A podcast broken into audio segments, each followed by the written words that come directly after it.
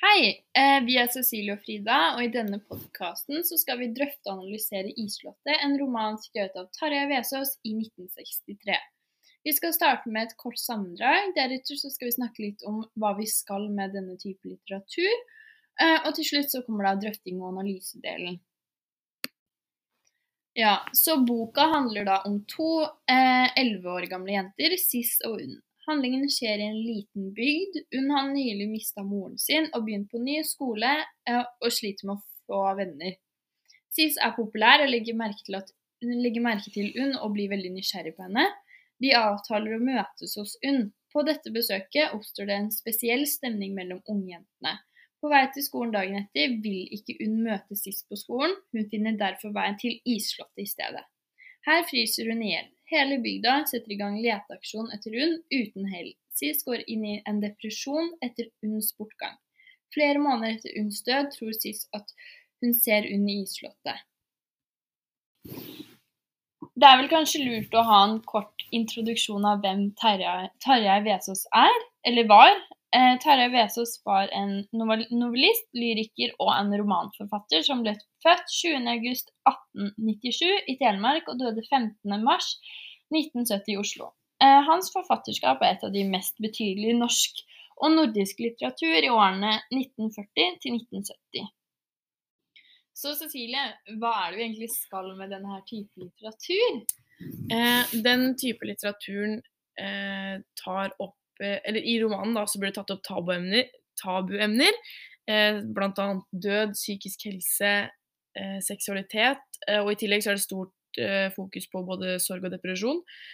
Eh, og jeg vil tro at hensikten kanskje var å normalisere temaene som blir tatt opp, eh, kanskje for å forebygge mentaliteten blant befolkningen. Altså liksom styrke befolkningen og sette lys på eh, problemer i samfunnet som egentlig alle vet om, men som ingen snakker om. For det var sånn det var på den tiden. At altså når boken ble skrevet i 1963, at det var ingen som det var ingen som snakka Mental helse var jo ikke et tema på den tiden. Det har jo ikke blitt uh, satt i fokus før i nyere tid. Um, og i tillegg så er jo det her uh, en negativ historie som tar opp eller som tar for seg realistiske hendelser. Altså kanskje ikke det at en person går inn i et isslott og fryser i hjel, men i den forstand at um, det hender et dødsfall, og en hel landsbygd leter etter den personen som dør, og at uh, sånn som sist, som får et såpass nært forhold til UNN uh, på veldig kort tid, at det også kan skje med mennesker. At man får veldig sterke bånd knytta til en person, uh, selv om de ikke har møttes mange ganger. Eh, og i tillegg så er det en negativ historie. Det er verre og verre ting som skjer, eh, noe som også bidrar til å gjøre det realistisk. Eh, og denne boka her kan jo være inspirasjon for mange. Folk kan kjenne seg igjen og kanskje få et annet syn på ting. Sånn som etter at eh, SIS på en måte går ut av den depresjonen etter at UNN forsvinner, så eh, forklar Man merker veldig tydelig at historien blir mye lysere, og da kan det at folk som da uh, har opplevd den type depresjon, kanskje kan se se ting de kan gjøre for at de selv skal bli bedre, da på samme måte som SIS. At de på en måte finner ting som de kan trøste seg med. Men eh, Frida, når vi leser denne boka her, så eh, merka vi jo at det er veldig mange typer og Eller veldig mange måter man kan lese boka på, og mange måter boka kan tolkes på. Mm. Eh, og da kan jo du fortelle litt om hvilken lesning vi valgte å fokusere på. Ja, fordi boka er jo lagt opp til at man kan lese den på ulike måter, og er liksom skrevet på en ganske unik måte i forhold til det vi har lest før. Eh, men vi, to, vi tenkte da ok, men da tar vi utgangspunkt i Sis og Unn, og hvordan deres forhold uh, til omgivelsene og til hverandre Hvordan det var realistisk, uh, liksom eller at handlingen da, som forløper seg gjennom boka, er realistisk mellom to unge jenter da, som opplever noe dramatisk og traumatiserende. Eh, og boka er jo skrevet på en sånn diktmåte, eller er skrevet med lyrisk språk. Eh, ordene flyter lett, og det er skrevet med baktanke om at det kan tolkes og leses på ulike måter.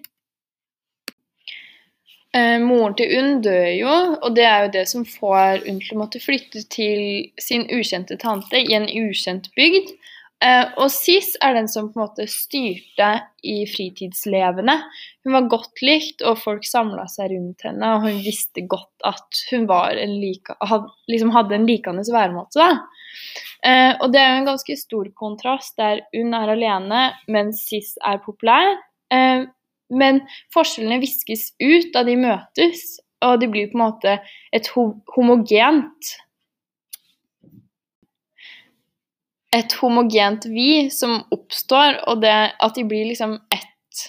Eh, Sis er lederen i flokken og har ingen å åpne seg helt for, og det har ikke Unn heller, eh, men de blir trygge på hverandre.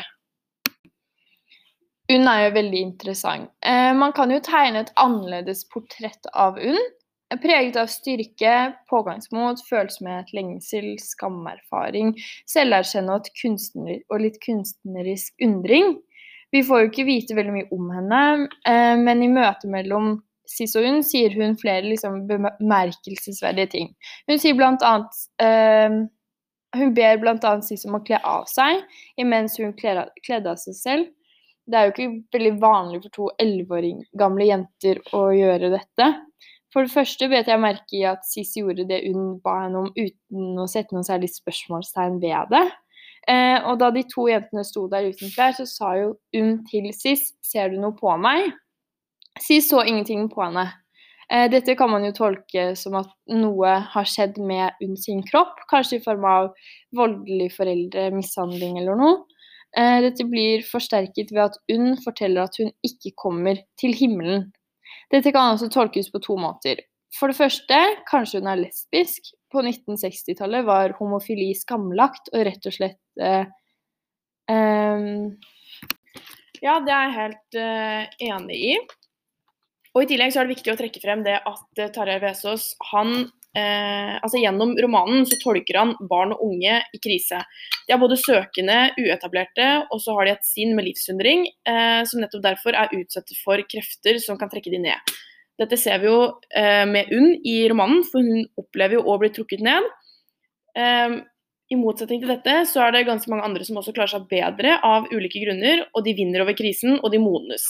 Og det er da slik SIS, SIS gjør. Eh, mennesker som Unn de kan både være sky, og samtidig som, samtidig som de er sky, så kan de ha evnen til opplevelse. De kan eie stor trang til å både åpne seg til andre, og i tillegg så har de eh, Eller så kan de ha et dypt behov for kommunikasjon med mennesker. Samtidig som dette, så, veldig, så, kan de være sårbare og redde for å på en måte blottlegge sine tanker, slik at kommunikasjonen derfor blir umulig. Og det her ser vi jo når Unn prøver å fortelle sist noe, men trekker seg tilbake og later som at det ikke var noe. Gjentatte ganger så trekker Vesaas inn lykkelige øyeblikk da reell kommunikasjon mellom menneskesinn oppstår. Eh, den kan både være ordløs og den kan betjene seg av ord. Et eksempel på den ordløse kommunikasjonen ser vi tidlig i boken, hvor Siss merker eh, ved første møte, ved første møte når hun møter Unn, at det er en viss tiltrekning mellom de, eller en spenning. Eh, og I alle tilfellene av den reelle kommunikasjonen i romanen så bygges det usynlige og livsviktige bruer. Eh, og brys, dis, øh, disse bruene de kan tolkes som symboler. Og brusymbolet det går igjen eh, som symbol for kommunikasjonen i Vesaas forfatterskap. Det gjelder flere romaner enn bare 'Isslottet', men nå er det jo 'Isslottet' vi skal holde oss til.